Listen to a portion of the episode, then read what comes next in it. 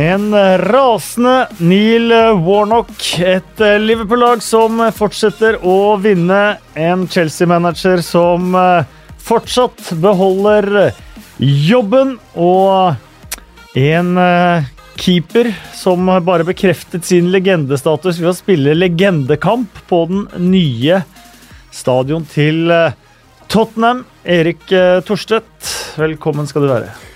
Peace and love. Endre Olav Osnes, velkommen skal du være. Jo, takk skal du ha. Espen Ven, velkommen skal du være. Tusen millioner takk. Da er vi uh, fullt lag. da. En hel backrekke. Ja, backtreer pluss keeper. Ja, ok, spill tre bak, ja. Vi må gjøre det, da. Ja. Eller de, Men hvis jeg skulle ha hatt uh, tre, uh, tre backslinjer foran meg, så er det ikke noe tvil om at jeg hadde tatt denne gjengen her. Altså, Det er førstevalget, altså. Se på de guttene, da. Det blir ikke mye å gjøre for meg som keeper. En mobil, en hard i huet og en gammel og tjukk. Da må jeg ligge i midten. Jeg må ligge i midten bak der. Ja, Men altså, det betyr Får du mindre å gjøre da, eller hva? Nei, men Da kan jeg lene meg på at Endre løper opp det jeg ikke får tak i. Det er derfor Endre må spille i midten eh, der, tror jeg faktisk. Ja, Det er kanskje sant. Ja. Følt, Han må eh, løpe opp fra begge oss ja, ja, det må du. Har jo fulgt uh, Torstvedt i helga, vi kommer jo tilbake til det, men uh, det er ikke uh, Du trenger ikke mye forsvar foran deg, du, altså. Fortsatt. Oh. Vel. Ja, Erik jeg, har, jeg har fått så mye drit av uh, Jan Henrik Børslid for min innsats at uh, ja, vi får ta et oppgjør med han òg underveis i sending. Ja, for Erik Thorstvedt har spilt uh, legendekamp på nye White Hart Lane. Tines... Nei, Tottenham Hotspur Stadium. Er det den det heter? Tottenham Hotspur Stadium, som ligger ja. oppå eller ved siden av eller inni eller utapå gamle White Hart Lane. Mm. Eh, Endre Ole Osnes han har spilt squash siden eh, sist han var her. Det har jeg. Eh, mot en betydelig eldre, eh, tjukkere og mindre mobil eh, fyr. Oi, det er aldri bra i squash. Hvordan gikk han det? Han fikk kjørt seg. Det er eh, Jeg har funnet ut at det lønner seg å være stasjonær da, i, uh, i squash. du skal jo inn til T-en hele veien. Du skal søke ja, mot den T-en i midten der. Du, vi spilte tre kamper. Du har ikke sagt hvem du spilte mot henne? Jeg spilte mot deg, Kasper. um, for jeg tenkte nå skal jeg gi Kasper en treningsøkt. Kasper uh, sa at uh, jeg trenger å trene, og jeg har spilt fint lite squash, men da, da, skal jeg stille opp på det. Og så spiller vi jo tre kamper, og jeg taper da 3-0. 3-0. 3-0, og så sier Kasper etter kampen du, nå skal jeg bare lære deg noen basics her. Ja. Og da var det at man skulle stå inntil T-en, og så var det posisjonering. Ja. Så spurte jeg eh, hvorfor i alle dager forteller du meg dette nå, Kasper? Fordi at du skal ha en mulighet til å slå meg neste gang vi skal spille. Ja, Men du var god, faktisk. Kasper var overraskende bra. Jeg... Du skal ikke løpe, vet du. Du skal ikke springe. Du skal bare, altså, de som er gode, de springer aldri. De bare glir rundt. Det er helt sykt å se bra folk spille squash. Det er sånn at Du, du tror det nesten ikke. Helt vilt. altså. Jeg har en kompis som heter eh, Arne, eh, som jeg studerte med i eh, Alta. Det er jo da 20, over 20 år siden. Da trodde jeg at jeg kunne spille squash, og han sa vi kan spille når vi kommer tilbake til Oslo. Jeg skal love deg, du får ikke ett eneste poeng. Eh, jeg kan vedde 1000 kroner med det. Uh, og vi spilte squash. Jeg fikk ikke ett eneste poeng. Ikke i sett, altså! Jeg fikk ikke et poeng ja. uh, i det hele tatt.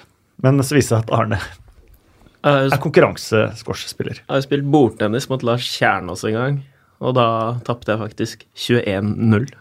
Oi sann. Oh. Og det er ganske oppsiktsvekkende. Fordi du, nå, uh, det er helt en på siden. idrett er helt ok. Ja.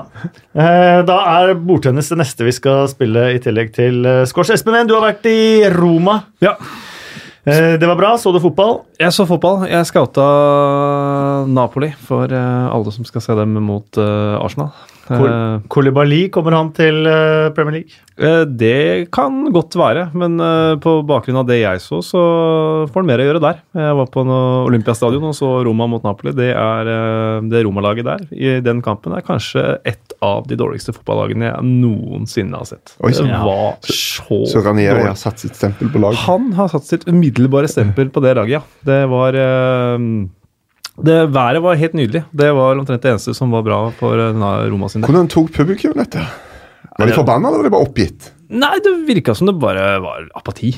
Altså, ja. Kurva de sto og sang, de, og litt piping ved, ved, pause der. Og så var vel egentlig ferdig. Jeg tror, ikke, jeg tror de hadde gitt opp jeg før de hadde begynt. Det så sånn ut på alle laga, alle spillerne.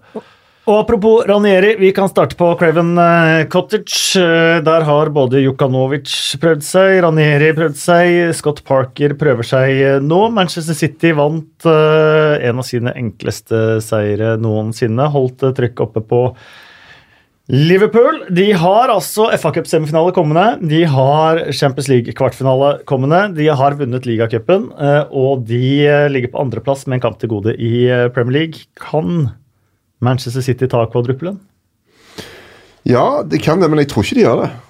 Det, det skal veldig mye klaffe. Det kan jo selvfølgelig gjøre, men uh, jeg synes det er litt skremmende hvordan Liverpool greier å bare altså, De burde vært langt bak nå, og det er de ikke. Og Da tenker jeg at vet du hva, dette kan, uh, dette kan være den sesongen der bare på en måte absolutt alt uh, faller på plass i siste minutt, og så vinner de hele greia. Altså. Så jeg tror Guardiola er litt stressa over at det er såpass teit som det er. Det burde det faktisk ikke ha vært. Og Aguero av med en liten kjenning der. Hadde det vært helt krise? Var det en gammel kjenning? Eller? Ja, kanskje en ny, kjenning? Ja, Aguero trenger de, helt Ja. klart.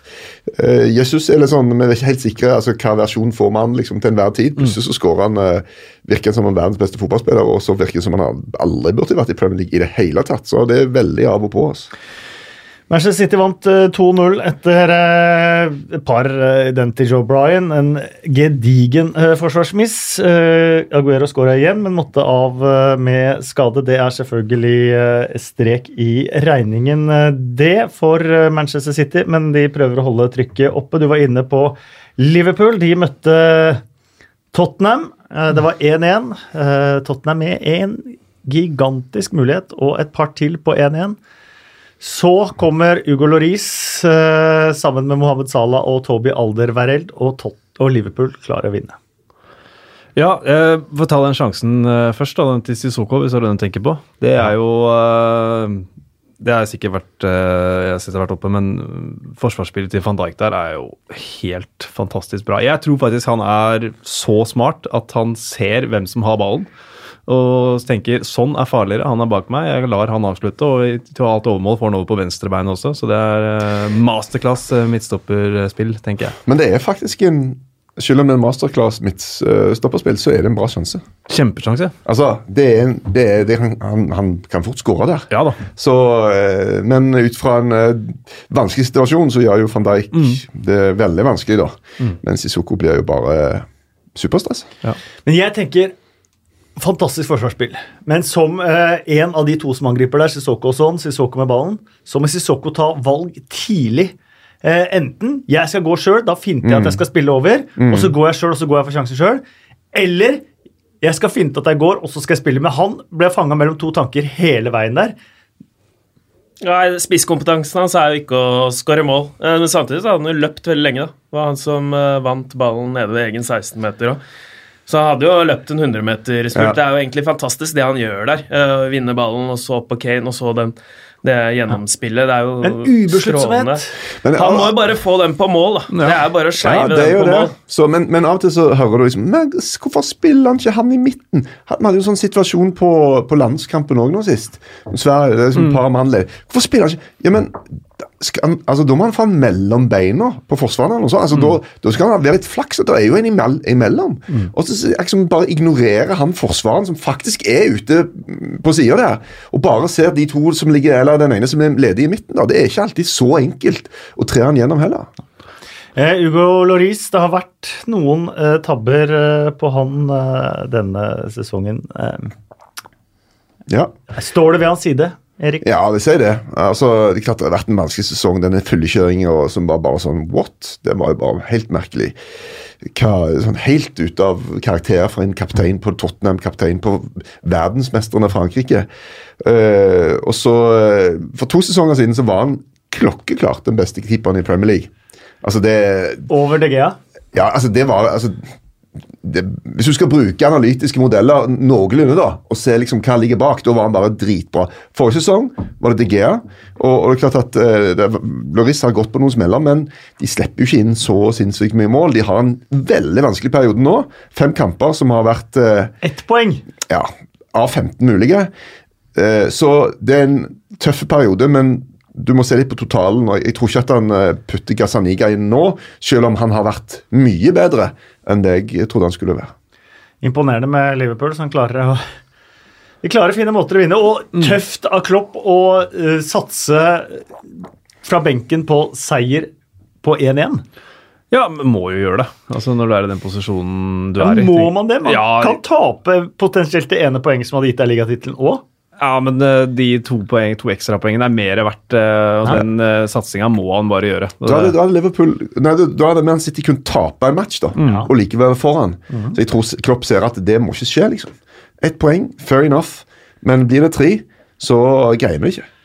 Så ser vi verdien av solide Det mener jeg var sidebekkenes eh, kamp. da. Ja. Eh, så når Espen eh, her plasserer seg selv i midten som van Dijk, så er det likevel en liten uh, anerkjennelse til oss. Fordi uh, det er så så viktigheten av to sidebekker som fungerer. da. Robertson og uh, Trent Alexander Arnold, de, de var eh, I mine øyne så var de kanskje de beste på, på den banen der. Så syns jeg faktisk Lucas Mora var svinaktig god.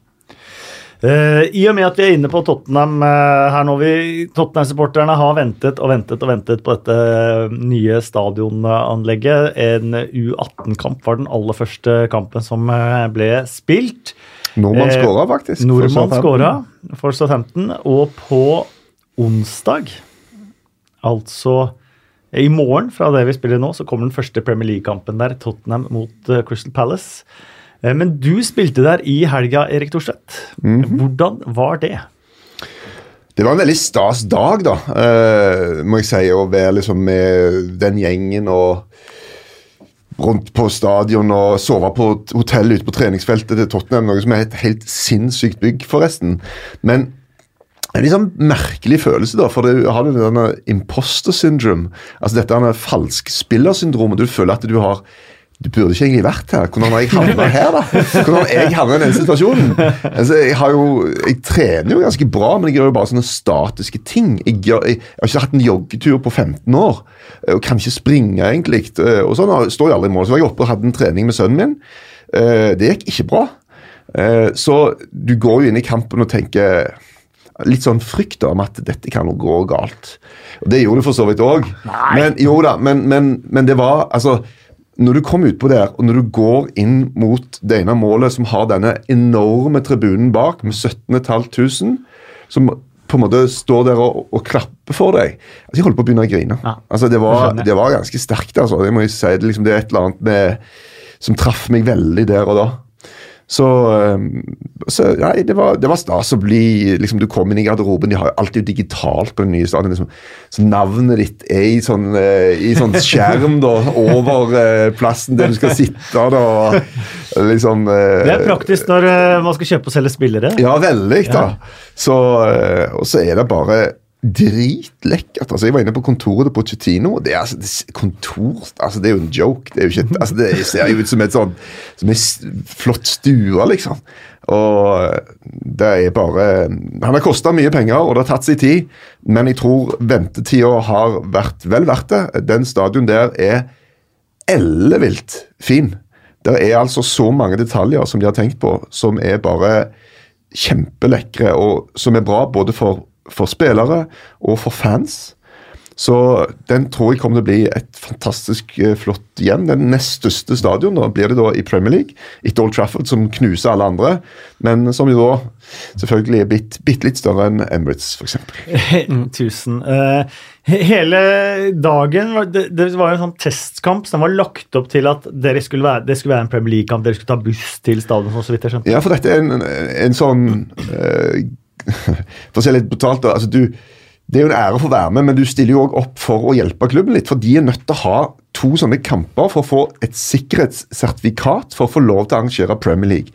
Og Dermed var dette en generalprøve som, der de gjorde absolutt alt som skulle skje på en Premier League-dag. Transporten fra treningsfeltet med spillerne ned til stadion. Pre-match meal, som ligger i et rom rett på siden av garderobene. Eh, og Der er det òg stuer og sånne ting, og folk får behandling. og liksom Alt skulle skje på en måte på samme måte, da, sånn at de kan kunne gå gjennom alle rutinene sine og sjekke at alt er greit. Og så måtte de ha over 40 000 tilskuere, og det greide de akkurat da.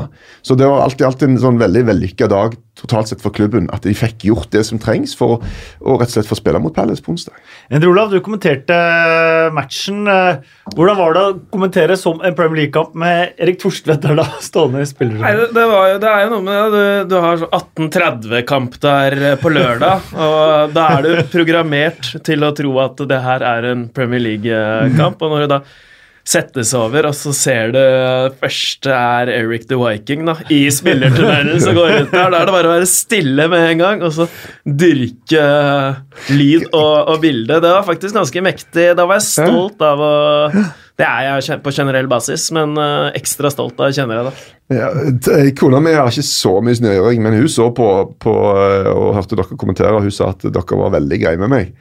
Så eh, det er greit. meg, det Og da er det var- litt, da er det greit å treffe Jan Henrik Børsli, som For kjapt får meg ned på jorden. Nei, han, ikke, han hang meg rett og slett litt ut som en Ja. udugelig tulling som aldri burde fått lov til å ha på seg keeperhansker. Men eh, det, for jeg snakka med Erik før han skulle spille, og da sa han at han var avprogrammert, da. Det å kaste seg. At han ikke klarte å kaste seg. Og det første er jo faktisk et skudd fra Lurer på om det var ved Ron. Eh, Nå er jeg litt usikker hvem som skøyt, men er helt ned i hjørnet, hvor du faktisk er helt nede i horisontalen da, og, og redder. Og så er det de to neste, hvor det faktisk er Det er avslutninger fra kloss hold, hvor du faktisk er på ballen, og så er det en siste hvor du da Roter det grusomt til. Litt, grusomt til. Litt som Ja. ja. Loris mot, eh, mot Liverpool. Og så Ja, den er faktisk ganske lik. ja, slipper inn tre mål. Uh, og det er det samme som Julio Cæsar, som la opp uh, for uh, Flamenco i Og som kom innpå 2018. på slutten med Cæsar og én på ryggen og spilte utpå, tror jeg. Til og med. Så, men det er jo folk utpå der som, som nettopp la opp. Og det er klart Når du la opp for 23 år siden og skal spille med folk som er ferske altså Van der Fart tror jeg til og med la opp ganske nylig, og han var, han var veldig dårlig. Men van der Fart var jo nettopp på TV 2 i i Premier League-studio, og han skrøt veldig av den opplevelsen. Så det var jo litt fint. At han syntes det hadde vært stas å være der. Men det er så, Det det, ja. Bare sånn kjapt eh, som, som siste sånn observasjon, da, uh, siden det var testkamp. For Vi ble sittende i pausen, vi visste ikke at vi skulle gå av. Og da drev de og kjørte sånne utallige kameravinkler da, av disse målene. eh, For å teste det òg, tydeligvis. da. Så der var det mange interessante kameravinkler som jeg tror kan bli moro Vi kan kose oss eh, med. Eh, Du delte garderobe der også med noen eh, Det, det som sitter igjen mest, eh, Erik, er jo eh, er jo Paul Gascoigne både da han kom innpå, da han gikk av, da han sto og, og, og ble hyllet der. Hvordan, hvordan var det? Nei, Det var stas å å se Gasset der. Det er klart at Han får jo mest jubel av alle. Helt klart. Og det eh, tror jeg faktisk eh, til og med betyr eh, litt for han. Han så rørt ut. Ja, eh, og han er klart han er veldig skrøpelig. Så jeg tenkte det skal være en, eh, en modig interspiller som tør å takle han i. Altså. Da tror jeg han ligger, ligger tynt an. Eh, så, men jeg kan faktisk spille et lite lydklipp her. Eh, jeg håper det kommer fram, da. Med en sånn, bare en sånn liten greie som jeg gjorde med Gassa i garderoben eh, før match. Prime suspect for shitting in my gloves. Did you do it? No. yes. I want my hand on it. to be fair, it was a shit joke. but I loved it. For historien bak det er Ja, han, eh, han dreit i hanskene mine en gang. Så det var sånn spørsmål om det var du. Og så, eh, så nikker han da, og så sier han no. Eh, eh, eller var det yes, omvendt. Men eh, han Jeg tror han har det sånn ok nå. Han bor jo på en ombygd låve oppe i Leicester som tilhører han som nå er på en måte agenten hans. Som er litt utfor allfarvei. Han får være litt i fred. Han har fiskeutstyret sitt der. Han har eh, tre treningsrom og, og sånne ting. Eh, og Uh, Gassa, En av de store problemene med Gassa er at han uh, jo ikke har uh, noen penger. Og Det tror jeg plager han litt òg, når han ser spillere i dag som kanskje bare har bitte litt av hans talent, som tjener sykt mye. Eh, Men Gasse har et veldig stort inntektspotensial. Hvis han drar rundt og har sånne Q&A-sessions, eh, snakker på puber folk, folk er villige til å betale for å komme og høre Gasse fortelle gode fotballhistorier. Så Jeg håper han kommer dit, at han kan gjøre dette her, da. For da eh, Han eh, han, er, han har vært med på mange ting som heller ikke har vært veldig bra. Men Gass er i utgangspunktet ikke en ond person, men han har havna i rushelvete og ditt og datt og mye greier og mentale ting. Eh, men i hvert fall sabla kjekt å se han at han var der. Må si det at eh, i løpet av mine snart ti år i eh, TV 2 Kanskje det øyeblikket jeg nesten setter høyest, er da Paul Gascoigne var i Premier League-studio i Bergen. Eh, og jeg var der, og du og jeg og han sto utafor mens han røyka, og han fortalte historier. Eh, det tror jeg nesten er noe jeg kommer til å ta med meg i grava den eh, dagen jeg skal dø. Eh, det øyeblikket vi hadde utafor der, de 10-15 minuttene. Og Det er jo sånn at det er ofte de som er litt annerledes og kanskje faller litt utfor av og til, som blir de aller største. Jeg tror folk kan identifisere seg med disse. De beundrer mm. de store spillerne, de som er proffe, de som får ting til alltid. Men de som har begge deler, både himmel og helvete, det er ofte det som connecter mest med folk. da. Mm. Så, uh, og Gassa er ekstremt populær fortsatt. Og Mickey Hazard, det gikk ikke så bra? Mickey Hazard, eh, som var den eldste spilleren, 60 år, han eh, var overraskende bra. Alltid vært en god eh, lirere, men han røyk akillesen. så den er jo litt For det å ryke akillesen er ikke superstas. Det tar deg liksom et år da omtrent, så ja ja. Det, Nei, men det er, det er jo Jeg syns det er modig, da, av Gassa. og modig av deg å gå ut på banen der, men, men Gassa ja. er jo en helt annen forfatning ja, enn uh, som vi husker han. Altså, han var ja. jo helt magisk. Han hadde et par og, fine overhopp der. Ja, hadde noen overhopp og traff noe kortpasningsspill og alt sånt.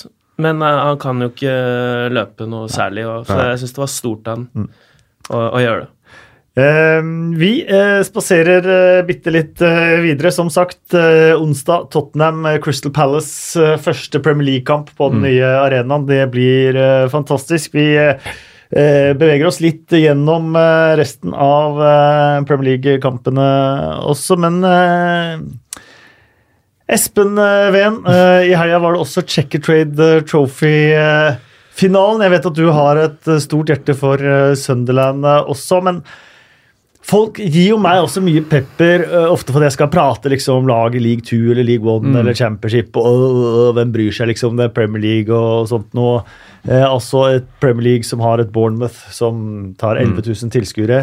Portsmouth og Sunderland de samla 83 000 fans! Mm på Wembley. Og det forteller litt om hva slags størrelser som er nedi der òg. Ja, og det gikk jo som det måtte gå, sett med Sunderland-øyne. At Cattermole gikk opp og tok en straff og Ja, det, altså, det er jo mot Normad denne sesongen, ja, for han har jo det... funnet nivået sitt. Ja. Han, altså, han har funnet, League 2 er jo, League 1 er jo nivået til League Catamon, Der er han jo begynt å skåre mål og skal ikke forundre meg om han til og med tok trøya opp av shortsen. Liksom. Så, så bra er det i hvert fall han. Men nei, det er jo som du sier, det er 80 000 som, som tar turen, og sikkert eh, vel godt og vel halvparten av dem fra, fra Sunderland. Og møtte faktisk folk på flyplassen på vei til Roma som, i København, som svensker som skulle på Ja, på flyet mitt fra, eh, fra Stavanger og over så var det jo folk som skulle på den matchen der. Altså. Ja. ja. Og det er jo liksom blir sett på som sånn fjolletrofé og Football League Trophy og Checker Trade, men altså, det er Wembley, da. Og da, det å få den, den, dagen der, så blir det jo sikkert sesong to av Sunderland til deg, da. Så det er bare å stålsette seg for nye nedturer for de som eventuelt har fått seg et lite hjerte for den klubben, i hvert fall.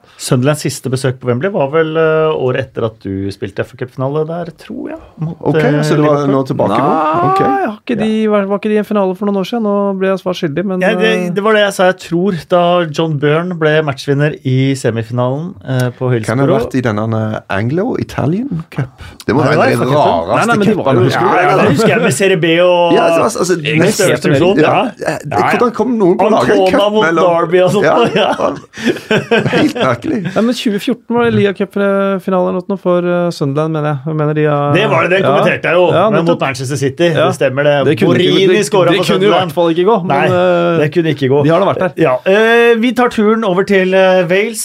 Cardiff de møtte Chelsea. De hadde en meget god kampplan.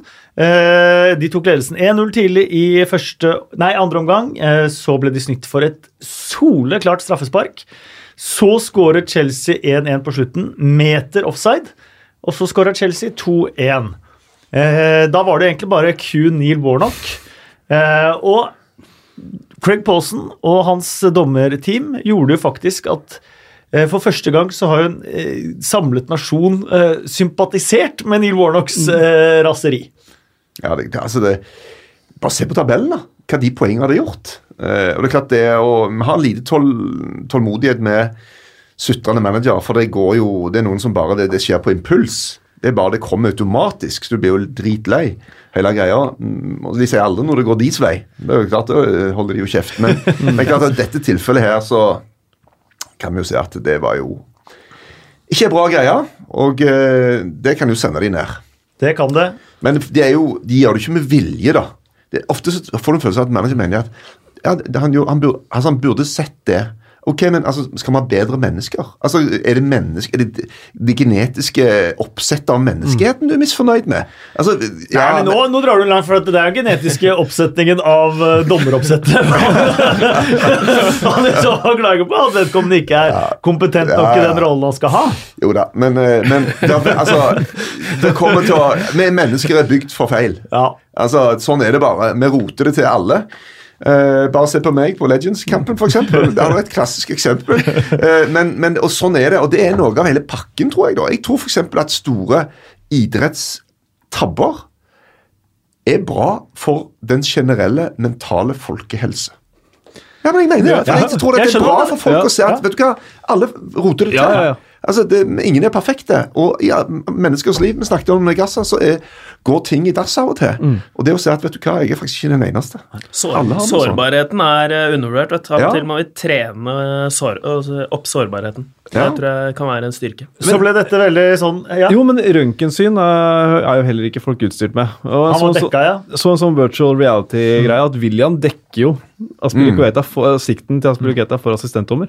Ja. Så Ja, sant, det, er, det er litt mye å forlange, for føler så jeg. dette røntgensyn. Et veldig sånn innlegg i VAR-debatten. Jeg kommenterte kampen. Fikk sikkert eh, 20-30 innlegg eh, på sosiale medier om eh, nå måtte jeg endre syn på VAR. Og det er liksom hver gang VAR fucker opp en kamp, eh, så tar VAR-motstandere det til inntekt for mot VAR. Også Hver gang store dommertabber kommer, så, så er det samme motsatt. Eh, Begge deler er for så vidt forståelig, men det, det er litt sånn forsimpling av, av debatten. Og så er det mye stråmannsargumenter og sånt noe. Eh, eh, videodømming per se eh, er ikke jeg prinsipielt motstander av i det hele tatt. Jeg syns VAR tuller til veldig mange fotballkamper med sånn som VAR-systemet fungerer. Eh, og Derfor eh, så kaster jeg nå inn, eh, og jeg skjønner ikke at det ikke har vært høyere oppe i det man har diskutert, challenge. Eh, hvis for eksempel, Hver manager har tre challenger. Hvis du slenger inn en challenge og den ikke tas til følge, så får det en negativ konsekvens. Hva det skal være, det vet jeg ikke. Om du mister et bytte, eller at du må ta ut kapteinen din i fem minutter, eller et eller annet. Men du, det skal koste å ta en challenge. Eh, så vil man ikke ha mange challenger. Men man vil få challenger på de store tabbene. Her kunne Neil Warnock kasta en challenge både på Sean Morrison-situasjonen, Aspilicueta-situasjonen. Ferdig. Vi hadde ikke snakka mer om det. Begge de to eh, avgjørelsene hadde blitt korrekte. Hadde vi hatt f.eks. VAR da i denne kampen med masse situasjoner, for det var litt trøyeholdning i første omgang og alt mulig, så hadde vi fått eh, syv minutter ekstra der, elleve minutter ekstra der, og vi hadde fått en kamp som hadde vært eh, hva skal man si eh, preget av VAR, da, som vi har sett enkelte kamper som har blitt veldig sånn VAR-kaos. Eh, hvis vi hadde hatt challenge, så tror jeg det hadde vært veldig smertefritt i den kampen. Nå sier jeg ikke at det er fasit, men jeg sier at dette her er ikke så enkelt som at enten er det for VAR eller mot VAR, eller enten skal vi ha VAR eller skal vi ikke ha VAR. og Noen mener at eh, dommerfeil er sjarmerende. Det har jeg aldri hørt nesten det argumentet blitt brukt. Det er vel ingen som syns egentlig at det er sjarmerende med feil. Eh, Det er det beste forslaget jeg har hørt deg Det si er noen faktisk ganske gang. kult, for da blir det et Ja. taktisk element òg i det. Tid skal du bruke dine challenges, da? Men uh, det er noe sånt i hockey, er det ikke det? I hockey er det det. Ja. Eh, og Der har det også en negativ konsekvens. altså komme inn med challenge. Det betyr at videodømming sånn brukes veldig veldig sjelden, men det brukes de gangene man vet her har dommeren tatt feil. Og det de har, er jo selvfølgelig eh, en teknisk stab som sitter på tribuna med iPads. De kan se situasjonen med en gang på sine skjermer, Ja. og de kan gi beskjed til benken slenge inn en challenge. Ja, for, for Problemet er jo at det er jo ingen som liksom er i den gråsonen Det er to steile fronter da, Veldig. mot hverandre. Um, VAR har jo åpenbart tydeligvis kommet for å bli, da. Det er ikke jeg så fornøyd eh, med, men det er jo en gråsone mellom der, og du er nå en brobygger der. Og det de- taktiske elementet, det likte jeg. jeg likte det veldig. I amerikansk fotball så tok de det vekk en stund. De hadde VAR, så slutta de med det fordi det ble så mange feil. Selv med VAR. Så kom det en ny kameravinkel etter matchen, så så jeg hei, men det var jo ikke sånn. Sant? Så Nei, det der er det, det er en ganske stort steg for fotballen Ja, å, å ta var. Altså. Ja, for det det, gjør et eller annet med rytmen i kampen. Da. Ekstremt. Eh, Det er det jeg plages med.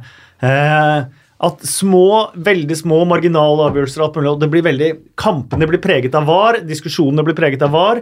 eh, VAR tar over, og det, man fjerner seg liksom fra det, mye av det som er grunnideen med fotballen, og grunnen til at vi holder på med fotballen, med VAR. Men at ting skal bli rettferdig, er man jo også for. Og man har, det er lett å ha sympati med Cardiff og Warnock i den situasjonen der. Dette her kan være kampen som sendte de ned.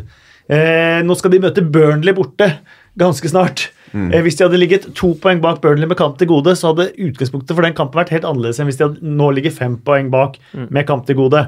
Eh, sånn at uh, Selvfølgelig, men, uh, men jeg, jeg, jeg syns det er slitsomt at hver gang det kommer dommerfeil, så «Åh, hvorfor er du mot VAR, VAR, bla, bla, bla. Eller omvendt. Å, ser dere hvor dust VAR er, liksom. Uh, så man må jeg tror, ikke VAR, jeg tror ikke VAR, sånn som VAR fungerer nå, og man setter nå både i Champions League, i Serie A, andre steder, jeg tror ikke det er løsningen for å gjøre fotball, fotballen bedre og finere og flottere å se på.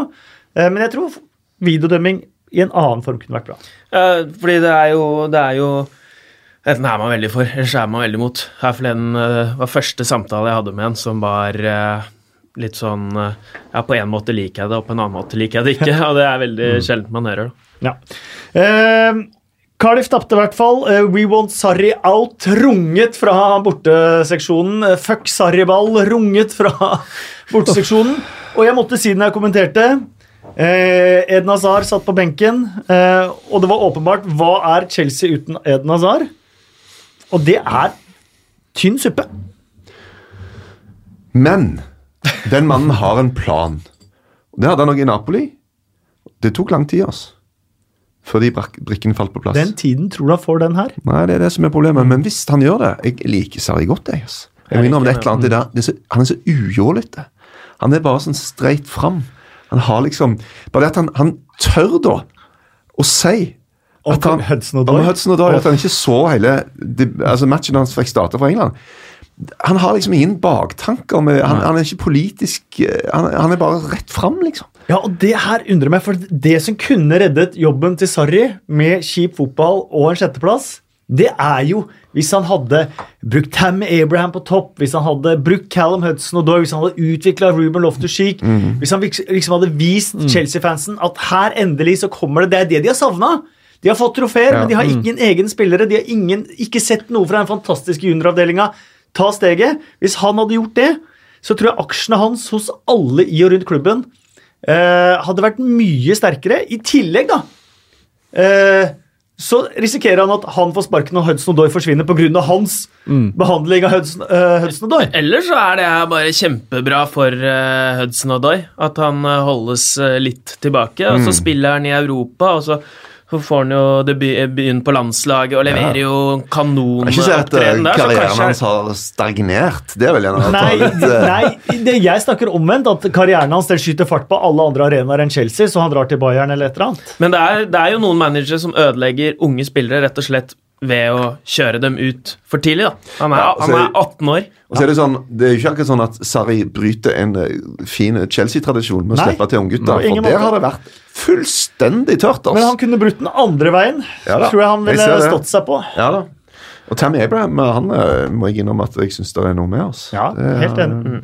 Så, men eh, jeg, jeg synes det er som, som type, da, som personlighet, syns jeg det er fint at en så gigantisk klubb med en russisk eier og all, altså, At de har en sånn En fyr som er litt eh, han, han, han er litt annerledes, syns jeg. Han er litt sånn, jeg synes han er litt sånn forfriskende eh, Akkurat som en av oss.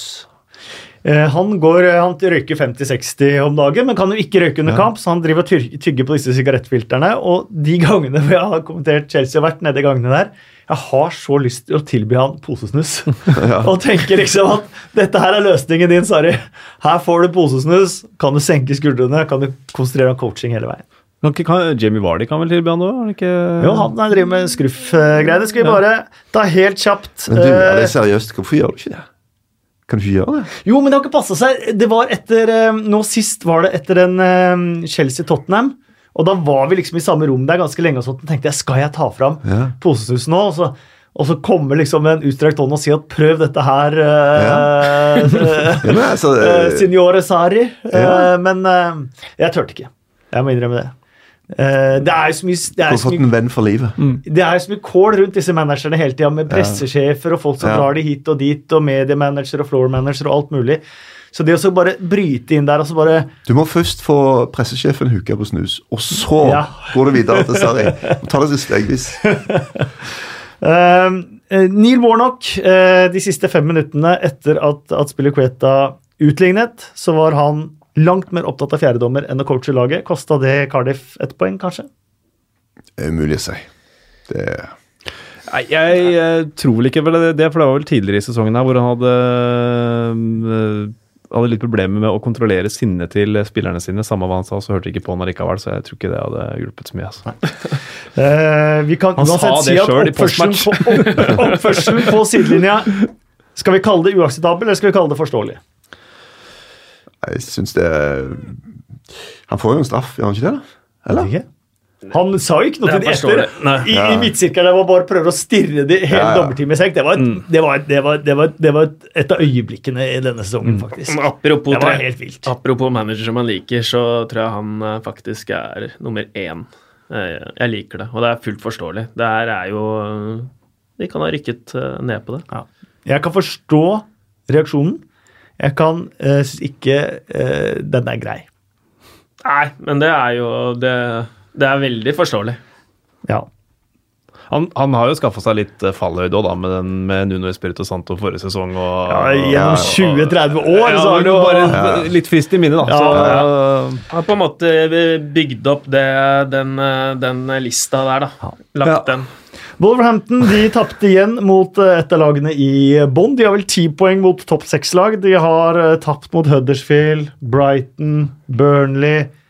De spilte uavgjort mot Fulham eh, borte. Eh, De har tapt hjemme borte mot Huddersfield. Eh, Så det er jo en, noe de må utvikle med spillet sitt. Ja. Ikke bare på en måte ha en gode plan i forhold til å ligge kompakte og kjøre kontringer og sånne ting, men å, å faktisk uh, greie å dominere mot de, eh, de svakere lagene. Så, men jeg tror de kan greie, det. Jeg tror de er et lag i, som kan greie å ta det steget. da. Ehm, De møtte Manchester United eh, samme dag som vi spiller inn dette her, i kveld altså. Eh, De slo dem ut av FA-cupen. Manchester United de slo Watford 2-1, men det var på ingen måte overbevisende, Endre Olav. Nei, Det var ikke overbevisende i det, det hele tatt, og det har jo egentlig ing- ingen lagt eh, skjul på. Men hvis de virkelig skal spille på den måten der framover, som de har drevet med i det siste, og slippe til så mange sjanser imot, da kommer de til å tape veldig mange fotballkamper. Så de hadde veldig flaks i, i den kampen der, og det er noe med det, balansen i det laget der. Altså Det er to forskjellige lag. De ligger igjen med fire-fem spillere på topp. Så er det kjempestrekk i laget, og så er det fem-seks spillere bak der. Eh, tidvis så var det de to midtstopperne som jeg syns var eh, kanongode i den kampen der, som var veldig, veldig alene. Så det ser så vilt ut, da, eh, og det ser så ukontrollert ut. Og mot Watford, som har så mange De har Deolofeo, så mange spillere som kan skape ubalanse. Det ble en veldig morsom kamp, i hvert fall. da. Eh, For det var jo enorme rom over hele banen. Men jeg er veldig spent på hvordan det der skal gå mot Barcelona. Oles at the wheel. Ole Gunnar Solskjær har da eh, signert eh, permanent kontrakt, kaller man det jo, men det er ikke permanent, for det er bare tre år. Eh, ja, og det er jo en greie som ikke er så eh, kanskje politisk korrekt å snakke om i euforien etter at han fikk fast jobb, og det er at det er jo en veldig stor sjanse for at dette ender i forferdelse. Og Det er jo noe som en ikke trenger være rakettforsker for å finne ut. Det er bare å se rent statistisk. Hva skjer med manager i Premier League? Eh, og Det betyr ikke at han trenger å være uh, ræva dårlig, at ting kan gå i dass, men si hvis de nå da eh, de vinner ikke noe denne sesongen. De vinner kanskje ikke noe neste sesong. Da begynner, begynner skruene å skrus til allerede. Hvis du går gjennom neste sesong uten å vinne, og så kommer du kanskje over i eh, januar-februar, og så er du kanskje ute av den cupen og sånn. Det er tøft, altså. Det er altså sånne krav som stilles, og det er bare så mange pokaler som, som deles ut. da. Så jeg tror vi skal ha det litt sånn i bakhodet om at eh, det er helt fantastisk at Ole Gunnar har fått den jobben, men eh, det er en prosentvis ganske stor sjanse for at eh, han, som så veldig mange andre managere, ryker til slutt. Eh, de kunne ventet eh, med å signere han eh, permanent. Mm. Eh, de hadde gått på to nederlag før Watford-kampen og før de signerte han permanent. Burde de egentlig ha venta litt lenger, eller var det et greit tidspunkt å gjøre det på? Jeg har tenkt hele veien at de godt kunne venta til sommeren. og sett hva som var mulig å få tak i. Men så er det jo også dette her med at de har prøvd eh, mange forskjellige ting. Eh, prøvde Moyes og prøvde de to, van Gaal og Mourinho, og gått tilbake til en som da kjenner klubben osv. Så, videre, og så, videre. så jeg tror de hadde bestemt seg for, å, for at det skulle, de skulle bli han uansett, så da var det jo like greit å gjøre det nå, tenker jeg. To hovedargument er at, eh, liksom det er med, rent logistisk i forhold til neste sesong. Altså Det å ikke ha en sjef For det er mange avgjørelser som skal tas. Altså Spillerkjøp snakker vi ofte om, men det er mange mange, mange avgjørelser som skal tas i forhold til disse tingene. Og, og Man United har ikke en sportslig ledelse Nei. som egentlig kan sitte og ta de avgjørelsene. Så Det er jo en sånn greie som, som går litt på at uh, det er en fordel å få gjort det tidlig. En fordel å vente lenge er å få se rett og slett hvordan spiller dette seg ut. da. Hvordan blir resultatene? Er det bråstopp nå, eller hva, Ja. hva skjer da? Så Ja, han, han har gjort det bra, eh, selvfølgelig, det er jo alle enige om, men, eh, men det- man snakker jo om hvor han, hvor han går i, i motgang, ikke sant? Og så er det nå, etter to tap, han faktisk blir Ja, Det synes jeg også er litt og overraskende, for jeg jo- tenkte at det var en bra anledning til å se hvordan han eventuelt snur det som kunne blitt en dårlig trend. Eh, kanskje ikke helt fortjent, men eh, de vant uansett 2-1, så tapsrekka stoppa med en, eh, en seier. Brenn Rogers han har kommet godt i gang i eh, Leicester. Ny seier eh, der, 2-0. Spillerne snakker om at de elsker både presspillet, de elsker hvordan de angriper, og de har fått Juri Tilemanns, som bare er Ser ut som en vill signering. Ja, ut ifra komme fra det er, altså, ofte sånn Han ble, kom jo på flopplaget i liga og var jo et stort talent. eh, Spilte vel Champions League da han var 16 år, tror jeg. noe sånt. Eh, men hadde jo kjempeproblemer i resten med, i likhet med lagkompisene sine. Og det er ganske, du, Sånne ting preger de ofte, da. Altså du, du må komme inn et nytt sted, så ikke bare liksom til å plutselig være dritgod, men det har han jo faktisk greid. Så det er imponerende, syns jeg. Ja, det har jo vært årets unge spillere i, i Belgia, og det er jo mange der. Jeg synes Det var unntakstilstand Det er jo unntakstilstand i, i Monaco Ja. denne sesongen, så han kan eh, fritas fra det. Men han slår i hvert fall pasninger som ingen andre gjør i Premier League, eh, mener jeg. Altså måten er bare demper uh, et godt brukt uttrykk, uh, egentlig. Eh, Vekting, liksom. Det er, det Ja. er, der er han jo faktisk Han er helt enorm, og jeg er blodfan av uh, Jori Tilemans. Rogers, er det ny managereffekt, eller er det en varig effekt som gjør at uh, Leicester i hvert fall kan bli sjuendeplasslaget? Kanskje litt høyere opp etter hvert? Jeg tror eh, det er eh, Hva sa om igjen? Det er, jeg, jeg, tror det er mer, tror det er, jo, jo, men jeg tror det er mer enn bare en ny managereffekt. Jeg tror ja. vi kommer til å se et, eh, et Leicester som, som tar eh, steg. og det er klart, Vi har snakka om Solskjær og han har hatt flyt. Det, du har jo litt flyt når West Morgan plutselig ser ut som en skåringsmaskin også. Det, det er klart det, det hjelper på, det. Og de hadde veldig uflyt uh, under PL på slutten. Ja, der, altså. det ja, det var nesten litt sånn synd på han, for at jeg vet det var mange som ikke likte han, både av spillere og fans. Men de hadde ganske gode prestasjoner uten Mm. å få betalt. Og så nå plutselig, når kommer Rogers, inn og bare skummer fløten umiddelbart. Ja, og Apropos Tielemanns, altså det er jo at de har fått en ballspiller ved siden av et rivjern eh, dypt på midtbanen der. Når du hadde, hadde Mendy og Ndidi, så var det to jordfresere som eh, hakka og som men ikke slo pasninger, og så får du inn Tielemanns. Det tror jeg, tror jeg Puel også hadde klart å kapitalisere på. Eh, Det er altså tre poeng nå som skiller Arsenal på tredjeplass og Chelsea på sjetteplass. Kampen om topp fire er helt enorm. Arsenal de vinner og vinner og vinner og vinner og vinner på Emirates. Uh, Unai Emery han har snudd igjen, han. Ja, de har jo Har de mer poeng nå enn eh, det Arsenal hadde hele forrige sesong? Ja, det kan faktisk være et lurer på om godt de faktisk har det. altså. Så eh, eh, Ja, det har svingt vel voldsomt, og veldig mange har vært veldig usikre underveis. Men nå må det vel være eh, smil og lutter glede på, på Emirates, eh, for nå ser det plutselig veldig bra ut igjen. Men den fighten om topp fire, den blir gull, ass. Der eh, Og Det betyr mye. Eh, Det har jo blitt det nye trofeet, det, å bli topp fire. Så det er jo uh, fire lag slåss om to plasser. Det er enkelt og greit å forholde seg til. Så, så må man gratulere Juventus med Ramsey-signeringen. Ja, for det- Han er helt uh, Jeg syns han har vært bra hele sesongen. Han har nesten blitt enda bedre etter å ha signert for Juventus. Ja. uh, Huddersfield er de første til å takke for seg. Uh, første som rykker ned i mars siden Derby. Eh, Derby var mye dårligere. Derby hadde én seier hele sesongen. Eh, Huddersfield har sju mål på hjemmebane hele sesongen. Det er ganske tøft. Og det snakkes om at Jan Sivert kanskje får sparken eh, før han får sjanse til å ta det opp igjen. Det er jo tøft. Men det er klart at de ser jo hva han står for. Altså, Vi kan jo sitte på utsida og se på kampene, men internt så ser du hva skjer på trening, hvordan samarbeider med resten av støtteapparatet, hvordan er det med spillerne og alt dette greiene her. Eh, jeg tenker jo at han har gjort en gjort noe dårligere jobb enn enn Wagner.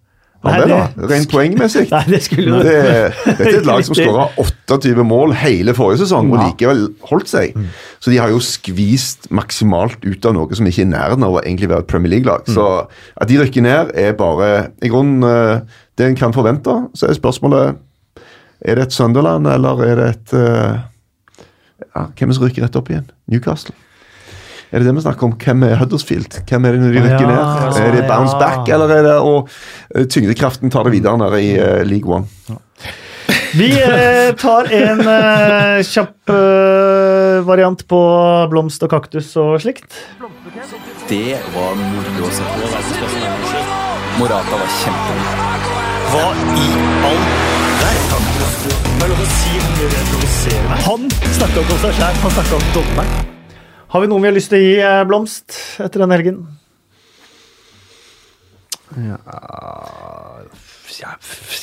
Er det Gassa, kanskje? Kanskje det? Kanskje Gassa og Erik sammen? Ja, de to. Eh, de, det er et godt forslag. Syns jeg Øsil har, eh, han har kjempa seg tilbake nå. Han, eh, han liker jeg godt å se spille fotball igjen.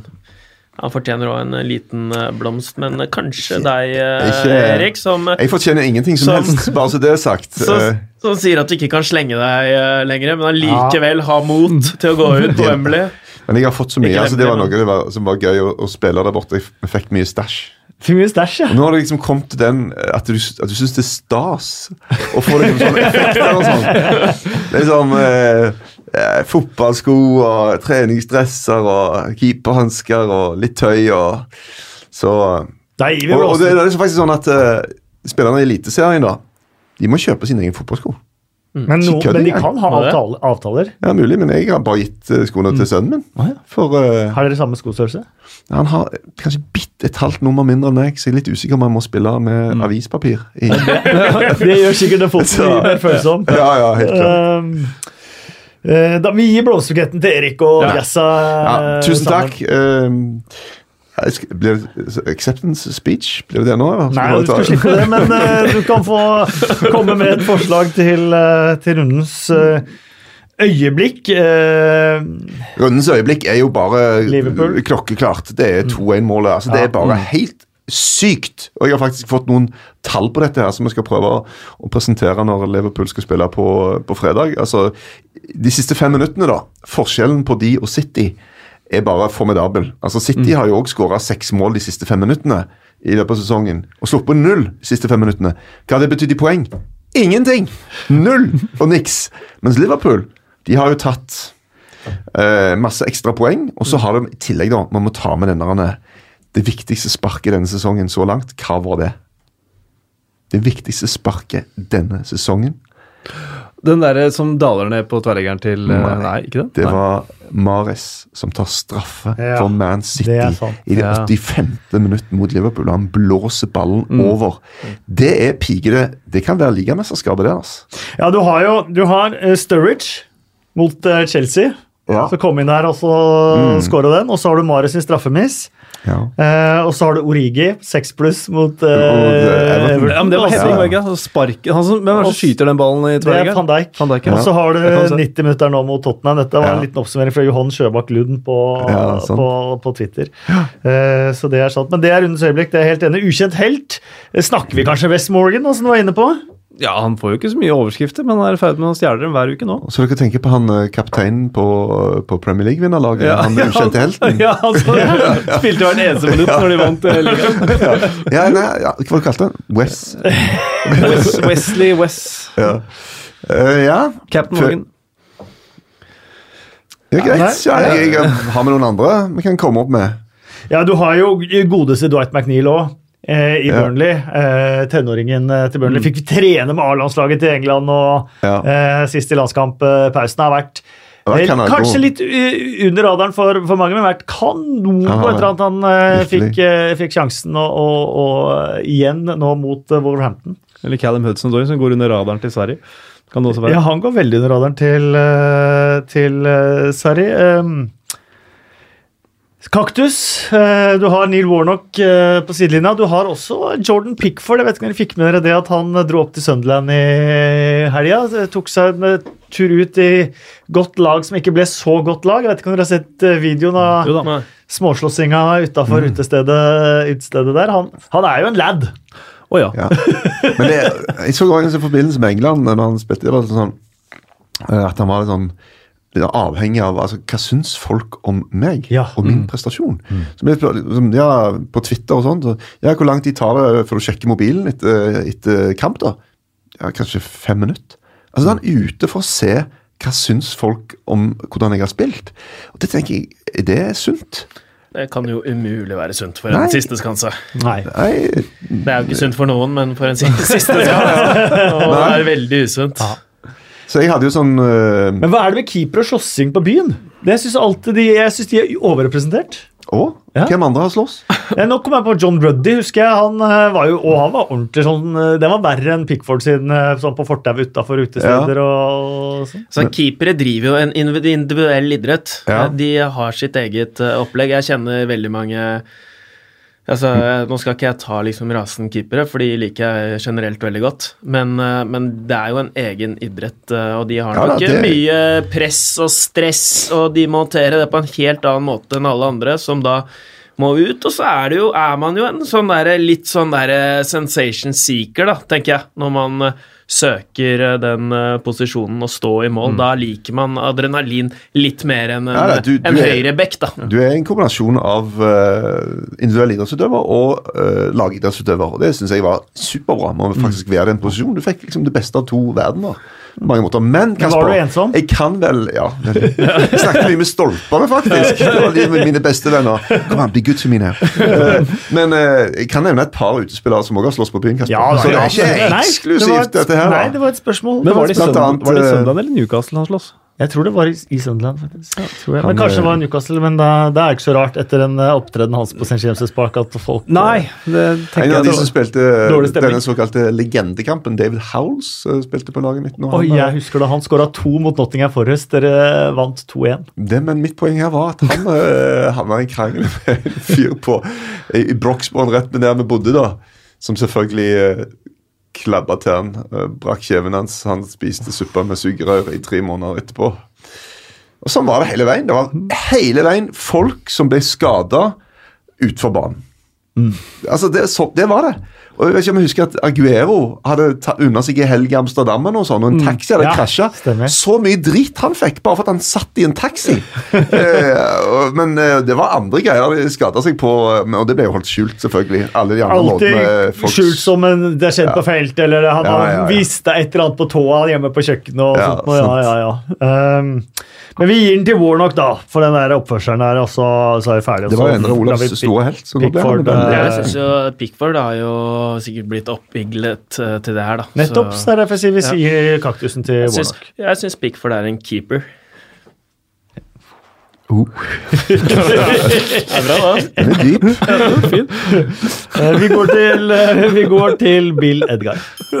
Arsenals syv siste. Aldri skjedd! Første gang siden er den sjette spilleren. Fun factsene til Bill Edgar. Liverpool har hatt flere dager på toppen av Premier League-tabellen denne sesongen enn det Tottenham har hatt siden 1968. Liverpool har tilbrakt 117 dager på toppen av tabellen denne sesongen. Tottenham har vært på toppen av tabellen 79 dager siden 1968. Men er det en veldig trøst når du ikke har vunnet ligaen på 28 år? Når vant Tottenham tabellen ligaen sist? Når vant Tottenham tabellen sist. Nei, Men jeg så faktisk statistikk at Norwich har flere dager på toppen av eh, tabellen enn Tottenham siden eh, 1985 eller et eller Og hvis alle lytterne kunne sett eh, smilet til Kasper når han sa dette Snusen bare renner ned over kjakene på han. Um, eh, Liverpool hadde kun 1,78 poeng eh, i snitt per kamp i Jørgen Klopps 77 første ligakamper. Men etter 1-4-tapet mot Tottenham oktober 2017 har de faktisk 2,31 poeng i snitt per kamp. Det er ganske markant forskjell. Eh, Huddersfield de har jo da eh, rykket ned med seks kamper igjen. Eh, det er det tidligste nedrykk siden Stoke rykket ned i 1984-85 med syv kamper igjen. Crystal Palace de har rykket ned de tre siste nedrykkerne. Eh, De har tatt eh, Huddersfield, eh, Stoke og Hull tre sesonger på rad på Sellers Park, og Patrick van Anholt har skåret det siste målet i samtlige tre. Wow. Den er fin. Ja. Noen kaller noen for doktor Nerik, men han er selveste doktor Nerik. Han. Bare sende folk ned. Um, Manchester City har en total målforskjell på pluss 139 over de siste to ligasesongene. 18 bedre enn noe annet lag har hatt i to eh, sesonger på rad. Sunderland hadde den rekorden med pluss 121 i 1891-92-sesongen og 1892-93-sesongen. Den var så fin, den som var for noen uker siden. da. Den er gått litt ut på dato, men tåler en eh, repetisjon. Ja. Når eh, det ble påpekt at eh, at Man City nå hadde 100 plussmål eh, mer enn eh, Huddersfield. Og så kommer kontringen fra Huddersfield-fan. Ja, men vi har en kamp til gode. Um, City slo uh, Fulham, uh, og Fulham ble første laget til å tape åtte toppdivisjonskamper på rad. Og har ligget under i hver eneste en til pause. Siden West Bromwich i 1985-86-sesongen. Men Håvard Nordtveit Ja. Ut av laget. Ja, altså var han, var han på benken nå? Det fikk jeg helt med meg. Det gjorde ikke heller. Eh, For at, eh, Det var jo siste match før landslagspausen, så var han jo ikke i troppen.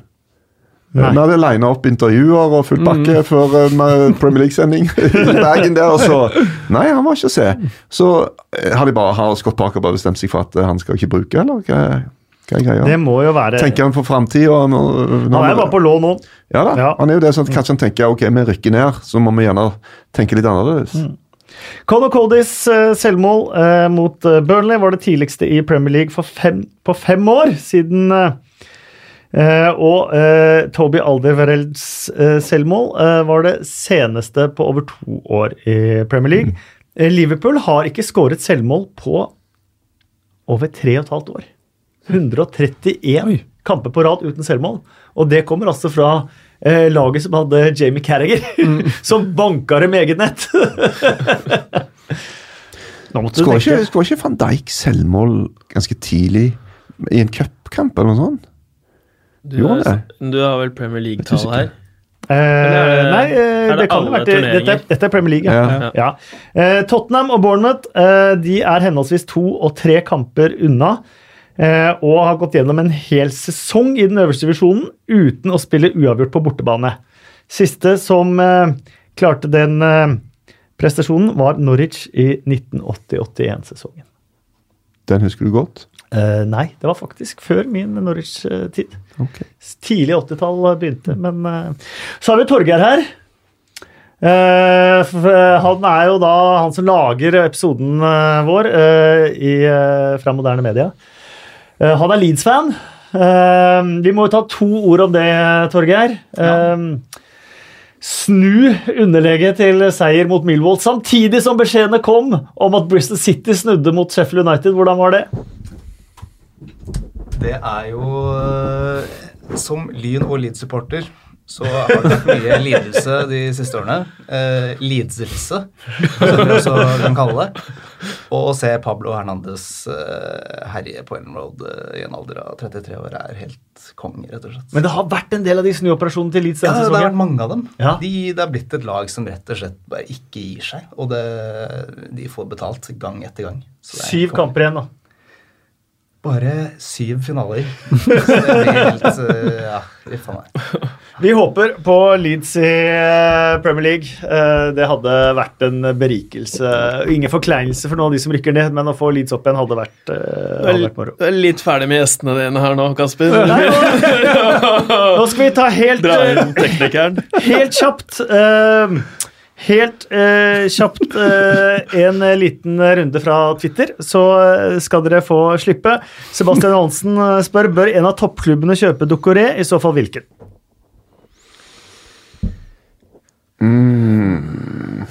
Det var et eh, godt spørsmål. Ja.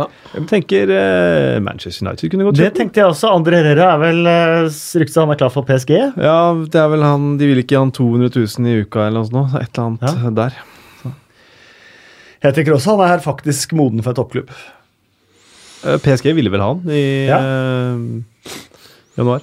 Jeg så en analyse på Dokoré som var eh, heller ugunstig. Å ja. Men, uh, så da sier du nei? Nei, det, altså, de graver så sykt dypt, da. Altså, Vi sitter her og tenker på ja, er ikke han ganske bra? Og Ja. ja, ja, han har fire assist, ja, kjempe, og sånt. Og så er det altså nå utvikla sånne verktøy som er ganske syke i forhold til veldig, veldig mange ting, da. Så Men han minner jo om Yaya Toré. han ser bra ut, altså. Jeg må si det. Han Ja. skårer jo mål og, Ja. og et kraftsentrum der. Ja. Så Um, Bendik Krutå får Arsenal for lite kred for det de har levert uh, denne sesongen. Første gang Arsenal har vunnet ti kamper på rad på hjemmebane på 20 år. Ja, egentlig, altså. De er jo eh, De seiler jo opp nå nesten topp tre her nå. Men Altså. det er litt sånn forvirrende sesong. Det, det, liksom, når det går litt dårlig og folk sutrer, så tar det litt tid før du oppdager at nå går det faktisk ganske det bra. det. Så, og sånn har det vært litt med Arsenal, da. Ja. Er de favoritt nå av de fire til å ta en Champions League-plass? Jeg, jeg, vil si, eh, jeg vil si det. Eh, Jeg har sett litt på den terminlista deres, og det er absolutt noe de bør eh, komme godt ut av den siste perioden her. Så mm, jeg vil si favoritter til topp tre, altså tredjeplassen. I så fall suksess, eh, Emery. Christian spør hvem er best i mål per dags dato, Torstvedt eller Pickford? Tror jeg går for uh, pick for det, altså. Dere er jo litt like, altså begge skal jo sette i gang eh, en del med ballen i beina, så jeg. Ja, altså, eh, Hvis jeg prøver å sparke den ballen, så kommer jeg jo ikke i nærheten av til midtbanen. Så jo sånn, du tenker sånn, ja, Før så var ballene så tunge, det var vanskelig å sparke dem langt. Nå så bare bing, så fyker de av gårde. Nei da. Nei, det gjør ikke det. Eh, Jakob eh, Berge, jeg vet at han er Manchester City-fans. Da kan man kanskje spørre, nei, skjønne spørsmålet. Det er til deg, Endre. Er det noen høyere makter som gjør at Liverpool får disse ubeskrivelige seierne på overtid? Nei, altså Eller jo, altså, det, er jo, det er jo høyere makter, men, eh, men jeg tror ikke Jeg tror, tror det sola skinner og at det regner på alle mennesker. Så hvis ikke så blir det litt sekterisk å tro, å tro noe annet. Men eh, så jeg vil si ja til høyere makter og, og nei til at Liverpool forskjellsbehandles. Var ikke det Veldig godt sagt, svar. faktisk. Ja. Eh, Man skulle nesten tro det var en prest. ja. Ja, man er jo av og til eh, Av og til det. Ja, jeg vet det er. Han tar jo opp kollekt etter hver podkast. Men eh, ja, da må vi eh, klaske penga i bordet. Uh, Tor Arne Angelsen til slutt. Eh, det var mange som før sesongen mente Spurs spilte høyt med å ikke kjøpe nye spillere. Første halvdel motbeviste vel kanskje behovet, men hva med de siste ti kampene? Det er mange greier som altså, Hva ligger bak, og, og sånn og sånn og sånn. Eh, Men det er klart at alle lag trenger utgangspunktet enda bedre spillere enn det de har. Det er ikke mange som, som ikke gjør det. Men det er mange ting oppi denne Tottenham-gryta. da. De har eh, bygd seg et fantastisk nytt stadion, eh, som kommer til å bety mye for den klubben i lang, lang tid framover. Eh, jeg håper bare at de ikke må selge dem. Jeg tenker på at Den banen har kosta 10 milliarder kroner. Det er mye penger. altså. Så hvis de får bare beholdt det de har, og kanskje sneke inn en, eh, en, en fin signering eller to, så, så tror jeg jeg må være fornøyd og bare beholde de en har, da, Pochettino og hele gjengen. Så eh, noe mer, eh, mye penger å rutte med tror jeg ikke det blir. Ja, litt tungt da, at hvis de der digitale skiltene i garderoben var veldig, veldig dyre, og så Ja. får du ikke brukt dem. Tenker jeg at, eh, Til nye spillere, ja. At du må liksom stå det samme digitale. Ja, ja. er liksom en kunne like godt bare vært Ja. uh, analogt. Men bare på gangen med det, så bare hotell, eh, hotellet ute på treningsfeltet, plutselig en sånn liten digital skjerm, da, og så, så er det sånn geometriske figurer av Pochettinos 20 favoritt-Tottenham-mål. Ja, så, da viser de, så kommer de bare trykker på skjermen, så plutselig kommer disse målene fram, og så har de tegna, og så forklarer han, og, og det, det var helt sånn eh, Små detaljer som var bare helt sånn utrolig kule. Men disse må jo endres da også kontinuerlig når det kommer finere mål. Ja, men gjør det det? Det er jo spørsmålet! Uh, Espen, hyggelig å ha deg her. Uh, håper du kommer deg over uh, Sunderlands uh, sure check and trade-tap, og at de kanskje kommer seg opp til championship igjen. Det, Jeg holdt på å si der de hører hjemme, men det føler vel ikke Sunderland-fansen. De Nei, de føler vel eh, et hakk høyere. Ja, nei, det, er, eh, det er viktigere ting enn Checkers Way Trophy som eh, gjenstår der, så sover nok om natta likevel. Eh, Endre Olav, takk for at du kom. Du, tusen takk for at jeg fikk uh, lov å komme. Jeg prøvde å holde meg litt unna keeperdebattene denne gang, men uh, det var veldig hyggelig å være her.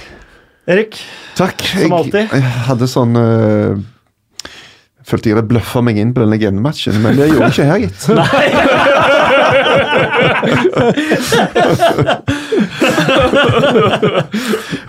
Og med det så takker vi for uh, denne gangen, og legg gjerne inn eh, et eller annet på iTunes, om det er stjerner eller kommentarer eller hva det er. Vi er på Twitter som alltid, Torgeir og Moderne Media. Vi takker for at dere lagde episoden og ønsker lykke til med Leeds. Eh, og vi ber alle om å ha et bitte lite øye med Wimbledon, fordi at de skal jo også flytte inn på nytt stadion etter hvert, men det var i ferd med å gå skikkelig ad undas ned i League One. De lå 10-11-12 poeng fra streken for ikke lenge siden. Nå har de vunnet seks av de siste ni, fem av de siste seks, og plutselig er de bare målforskjell fra over streken. De møtte Accrington i neste. Accrington ligger to poeng foran de. Det vil være et av tidenes greatest escapes om de faktisk skulle klare dette her. Så gi en lite øye til Wimbledon eh, når dere følger med på, på rundene, for det hadde vært fantastisk om de klarte det, og i hvert fall fikk åpne Plow Lane i League One. Takk. Og takk for nå.